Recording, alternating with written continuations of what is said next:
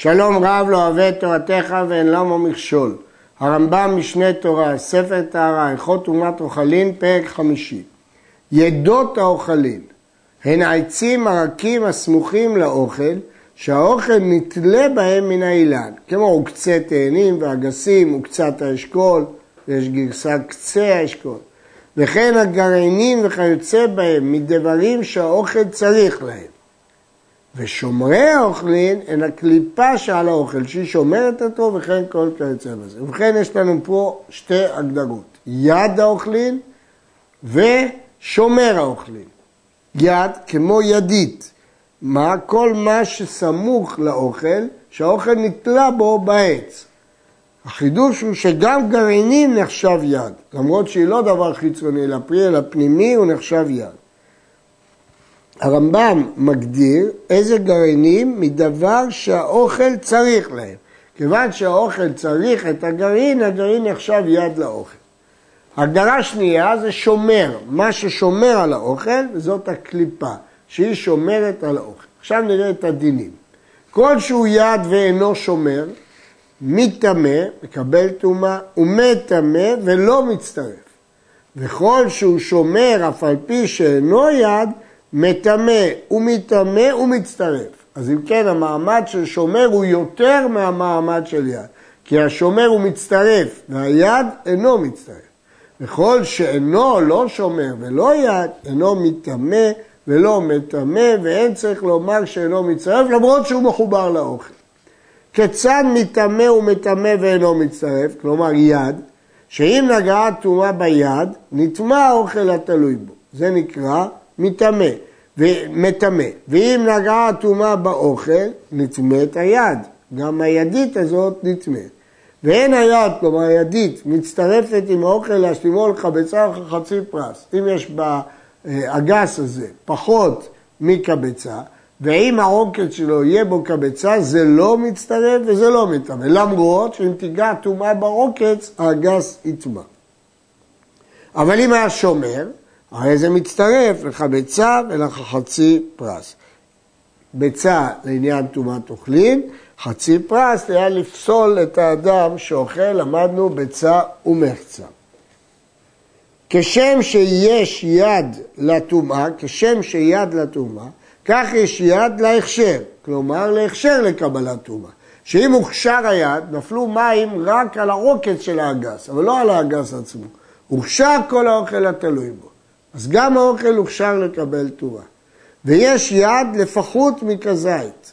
אפילו שהענב יש בו פחות מכזית, היד יש לו דין יד. ויש שומר לפחות מכפול, ופחות משיעור של פול. ושומר שחלקו אינו מצטרף עם האוכל. יש להדגיש שהרמב"ם פסק כרבי יוחנן, אבל רב חולק, וסובר שאין יד לפחות מכזית, ואין שומר לפחות מכפול. והרמב"ם פסק כרבי יוחנן. שומר שחלקו אינו מצטרף, כגון אוכל כביצה ושומרו עליו וחילקו. יש מקשים, הרי המקרה הזה מוצג בגמרא כבעיה שלא נפשטה. ולמה הרמב"ם פוסק פה לקולה, הרי זה מדובר בדין תורה, מדוע הרמב"ם לא החמיר בזה. ומנין לשומרי אוכלים, שהן מטמאים עם האוכלים כשהם מחוברים בהם. מה המקור לזה? שנאמר על כל זרע זרוע אשר יזרע. כדרך שבני אדם מוצאים לזרע חיטים בשעירן, שעורים בקליפיהם, עדשים בקליפיהם, והוא הדין לשאר השומרים. אם כן, הקליפה היא חלק מהאוכל. אמנם הרמב"ם בחיטים מדגיש שהשערות הן הקליפה, השומר, אבל בשעורים הקליפה היא השומר. אז אם כן, מה ששומר זה זרע זרוע אשר יזרע, ולכן הוא מטמא ומטמא ומצטרף. ומנין לידות האוכלין שהן מטמאות ומטמאות כשהן מחוברות עם האוכל, שנאמר טמא הוא לכם, לכל שבצורככם. כל מה שצריך אותו בשביל האוכל, גם הוא מטמא. וכיוון שהידית הזאת צריך אותה בשביל האוכל, לכן היא גם מטמאות וגם מטמאות. הבוצר לגת, אין לו ידות, שהרי אין לו צורך ביד, מפני שמוצץ את המשקה. יוצא מההלכה הזאת שידות אינו דבר מוחלט, אלא הגדרת ידות משתנה לפי צורך האדם. אם הוא צריך אותו כחלק מהאוכל, הוא יד. אבל כאן, כיוון שהיד מפחיתה מכמות היין שבענבים, הוא לא מוגדר כיד כי הוא לא צריך אותו. הבוצר בכלל לא צריך את הידיות האלה של האוכל, כי הוא רוצה את המשקה בלבד. הקוצר לסיכוך, אין לו ידות, שהרי אינו צריך ליד. אמנם היד לא מפריעה לו, אבל אין לו שום צורך בה. כיוון שאין צורך, היא לא כיד. כזה משנה מקשה, גם דין זה שנוי במחלוקת המוראים, ומדוע הרמב"ם פסק להקל. כל ידות האוכלין שבססן בגורן טהורים, פירש הרמב"ם בפירוש המשנה, ריצצן, כלומר דרס עליהם והחליש את אחיזתם באוכל, גילה בדעתו שאינו רוצה בהם, ולפיכך טהורים. כיוון שהוא בסס אותם, אז הם טהורים. יש להעיר שבמסכת סוכה יש מי שאומר שבססן זה רק שהתיר את האגד שלהם, אבל מהרמב"ם בפירוש המשנה משהו שבססן ממש, למרות שפה ביד החזקה הוא לא פירט. פסיגה של אשכול, שרקנה טהורה, ואם נשתייר בה גרגר אחד, הרי זה יד לאותו גרגר, הוא מקבל את טומאה. אם היא מרוקנת לגמרי, אז היא כבר היא לא יד לשום דבר, אז היא טהורה. אבל אם נשאר בה גרגיר אחד, צריך אותה בשביל הגרגיר הזה, אז היא יד, והיא מטבע. הרמב"ם מסביר מה זה פסיגה, בפירוש המשנה. דרך בריאת אשכולות הענבים, שמסתרגים מן האשכול אשכולות קטנים, ופירוש פסיגה של אשכול, חתיכה מן האשכול. אם כן, החידוש בדין הזה, שלמרות שנשאר רק גרגיר אחד, כל הפסיגה נחשבת כיד. וכן שרביט מרה שרקנו, הרמב"ם מסביר, סנסני התמרים יש להם קצה עב הכוללן כהן חריות של דקל, והוא הנקרא מכבד של תמרה. אם כן, אה, באשכול הזה שיש תמרים, אם הוא יקנו, טהור, כי כבר הוא לא יד לאוכל. שיער בו תמרה אחת, טמא, כי הוא יד בגלל התמרה הזאת. וכן שרביט קטניות, אשר יקנו, טהור. שיער בו גרגר אחד, מקבל טומאה. לכן כל ההלכות האלה שוות שאפילו יד וגרגיר אחד מהווה יד. לעולם אין שומר על גבי שומר, אלא שומר אחד בלבד הסמוך לאוכל, הוא הנחשב עמו. יש כמה קליפות, רק הקליפה התחתונה נחשבת שומר. שלוש קליפות בבצד, פנימית, בין שלמה, בין כדורה, מצטרפת. לאור הפסק בהלכה הקודמת, שאין שומר על גבי שומר, הקליפה הפנימית היא חלק מן הפרי, והיא מצטרפת. הקליפה האמצעית היא השומר, אמצעית, שלמה מצטרפת, כדורה אינה מצטרפת, כי אם יש בה חור, אז היא לא שומרת, אז היא לא מצטרפת. החיצונה בין כך ובין כך טהורה, כי למדנו שאין שומר על גבי שומר. אז נסכם. החיצונה היא בכלל לא שומר, כי היא שומר על גבי שומר. הפנימית נחשבת כחלק מהפרי. היא לא שומר, לכן תמיד היא מצטרפת. האמצעית היא השומר, אבל אם היא כדורה, היא לא שומר והיא לא מצטרפת. כל הקליפים מטמאות ומטמאות ומצטרפות מפני שהן שומר. קליפי פולין וקליפי תורמוסין, זרקן, אינם מטמאים. כנסן לאוכלים מטמאים. פה יש חידוש שיש קליפות כאלה שאם הוא כינס אותם להיות אוכל, הם מצטרפים, כי כנראה שהן נחשבות לאוכל בפני עצמם, בשעת הדחק אוכלים אותם. ואם נשאר בהם אוכל, בין כך ובין כך מטעמים, מדין שומר. קליפי מלפפון, אף על פי שאין בהם מתוך המלפפון, מטמאות טומאת אוכלים. צריך לומר שהם נחשבים אוכל בפני עצמם. השעורים, בזמן שהן יבשים, קליפתן מצטרפת עמהם, ובזמן שהן לחרים, אינה מצטרפת. כנראה שהיה זה לא שומר. אבל החיטה בין לחה בין יבשה, קליפתה מצטרפת. כל הגרעינים מטמאות ומטמאות ולא מצטרפות. אמרנו בתחילת הפרק שלגרעין יש דין של יד. עשו את כל הגרעינים כידות האוכלים. חוץ מגרעינת הרוטב. רוטב הוא גרעין תמר כשהתמר לח. הרייבד מקשה, שהרי במשנה כתוב גלעינה של רוטב, אף על פי שהיא יוצאה, מצטרפת. אז צריך לומר שהרמב"ם מתכוון, כל הגרעינים מטמאות ומטמאות ולא מצטרפות, חוץ מגרעינת הרוטב שהיא באמת מצטרפת. אבל שתמרה יבשה אין מצטרף. מה הסיבה לכך? מסביר הרמב"ם בפירוש המשנה. גרעיני הרוטב מצטרפים לפרי, לפי שאילו יינטל הגרעין, ימס הרוטב וייפסד. אבל גלעין התמרים היבשים אינו מצטרף, מפני שאפילו יצא אותו הגלעין, אין התמר נפסד. אז כשהתמרה יבשה, הגלעין לא משמש כיד, אבל כשהתמר לח, הגרעין משמש כיד. החוטל שעל הגרעינה של רוטב אינו מצטרף. לא מחשיבים אותו כשומר. שעל גרעינת היבשה מצטרף, מפני שהוא דבוק באוכל, נחשב כאוכל. הרמב"ם מסביר בפירוש המשנה. החוטל שעל גלעין הרוטב אינו מצטרף, לפי שהגרעין שומר את התמרה הרטובה, ולא החוטל. אבל החוטל שעל גלעין התמר היבש דבק הוא בגוף התמר, ממילא הוא חלק מהאוכל, והוא השומר ולא הגלעין. ואילו ניטל הגלעין ונשאר החוטל, לא היה התמר נפסד, ולכן הגלעין נחשב לאוכל. גרעינה של רוטב שיצא מקצתה, כל שכנגד האוכל מצטרף, והיוצא אינו מצטרף. מה שכנגד האוכל שומר על האוכל, אז יש לו דין שומר.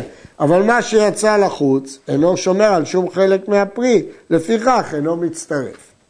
הרייבד הבין שמדובר שהתמר נאכל ולכן חלק מהגרעין יוצא החוצה.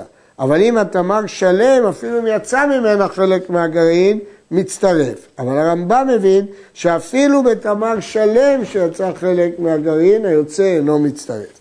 וכן עצם שיש עליו בשר, כל שכנגד הבשר מצטרף, כי העצמות הן שומר של הבשר.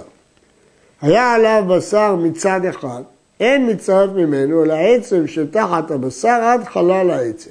ואם לא היה לעצם חלל, רואים אותו כאילו כרובי האזוב. ושאר העצם אין מצטרף, שהעצמות לבשר, כמו שאומר, הם חשובים. אבל כיוון שהבשר הוא רק מצד אחד, אז לא כל העצם הוא שומר, אלא רק שיעור של אזור. קוליה הוא העצם העליון של הירך שיש בו מוח בפנים, אפילו קוליה שהיה עליה בשר, אפילו כפול גורר את כולה לטומאה. אפילו שסיעור הבשר הוא קטן מאוד, כל הקולית שהיא יד ושומר נטמאת. למה? כי להיטמא לא צריך שיעור, אמרנו אפילו כלשהו טמא. אז אם יש טיפת בשר בתוך העצם, כל הבשר נקרא שומר ומטמא. גרעיני זיתים וגרעיני תמרה, אף על פי ששלקן לאוכלים, אין מטמאים. כי אין דרך לאכול גרעינים של זיתים וגרעינים של תמרה כשהם בפני עצמם, גם אם הוא ישלוק אותם. הם לא ראויים לאכילה כלל ובטלה דעתו. גרעיני חרובים, אף על פי שכנסן לאוכלים אין מטעמים, כי לא אוכלים אותם בדרך כלל. שלקן לאוכלים מטעמים, כי גרעיני חרובים כשהם שלוקים, לפעמים אוכלים אותם. אלו מטעמים ומטמאים ומצטרפים. שורשי השום והבצלים והקפלוטות בזמן שהם לחים, אז הם נחשבים חלק מהאוכל או שומר לאוכל, והפטמה שלהם או הגרגיר שיש בו צומת שורשים בראש הבצל, כמו חוטים קבוצים וצמותים, בין לך בין יבשה, והעמוד שהוא מכוון כנגד האוכל, זה החלק האמצעי שבבצל אשר בראשו צומחים הזרעונים, ושורשי החזרין והנפוץ, ושורשי צנון גדול מצטרף. רמב"ם מסביר, ראש הצנון הנטמן באדמה יש בקצהו שורש דק והוא נקרא שורש צנון גדול. והסיב שלו אינו מצטרף. בצידי ראש הצנון יש שורשים דקים כהן חוטים, אלו נקראים סיבים, הם לא מצטרפים. ושורשי המינטה והפגם, ושורשי ערכות שדה, ושורשי גינה שעקרם לשתלים, והשדרה של השיבולת והלבוש שלה, הרמב"ם מסביר, כאשר נושרים גרגירי החיטה מן השיבולת, יישאר מקומם כמו חוט השדרה חוליות חוליות, לכן נקראת שדרה של שיבולת, וגם היא שומר. והלבוש הנרתיק של כל גרגירי החיטים בו. ועוקצי תאנים, והגרוגות, והכליסים והחרובים, אז כל אלו אמרנו שהם מטמאים ומטמאים ומצטרפים.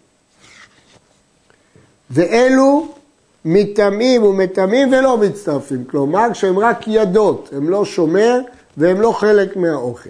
שורשי השוב מהבצלים והקפלוטות בזמן שהם יבשים, ועמוד שאינו מכוון כנגד האוכל, ומלעין של שיבולים, והן השערות השחורות שבראש השיבולת שהם דומים כמו מסר, ועוקצי האגסים והקרוסטמלים והפרישים והעוזרדין ועוקץ דלעת טפח הסמוך לאוכל ועוקץ כנרס טפח, כל אלה הם רק ידות והם לא שומר ולא אוכל, לכן הם מטמאים ומטמאים ולא מצטרפים, אבל נשים לב, לא כל העוקץ נחשב ליד, רק טפח הסמוך לאוכל. וכן יד הפרקיל, טפח מכאן וטפח מכאן. והפרקיל הוא השריג שהאשכולות תלויות בו. ויד האשכול כלשהו. וזנב האשכול שרקנו.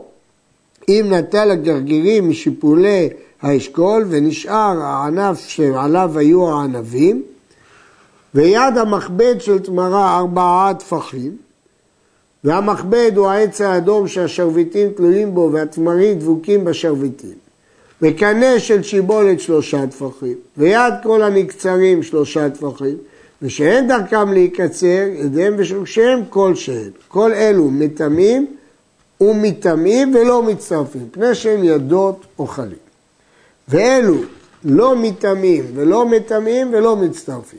שאר כל העוקצים, שהם לא משמשים כיד, ושורשי קולסי כרוב, גם זה לא משמש כיד, חולפות טרדין, חלפות הלכת, והם העיקרים שנשארים בקרקע כשליקטו הכרוב והלפת וחזרו והחליפו, וכל השורשים שדרכם להיגזז, שנעקרו עם האוכל, הם לא יד ולא שומר, לכן הם לא מטמאים ולא מטמאים ולא מצטרפים.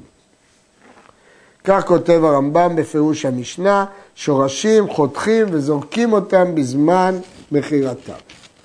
הפטמה של הרימון מצטרפת, כי זה שומר, והנט שלו אינו מצטרף, כי הוא יד ולא שומר. הרימון והאבטיח שנימוק מקצתו, אין הנשאר חיבור לאותו שנימוק, הוא כבר נרכב, הוא לא נחשב אוכל. ואין הנשאר מן הקליפה מצטרף, שאין שמירתו מועלת כלום, זה כבר רקוב. וכן אם היה שלם מכאן ומכאן ונימוק מן האמצע, אין הצדדים חיבור זה לזה ואין קליפתו מצטרפת, כי מה יש לשמור כשהחלק הפנימי שלו נרכב. עלי ירקות ירוקים מצטרפים, כי הם נחשבים להיות שומר, ולבנים אין מצטרפים, שהרי אינם כלום. עד כאן.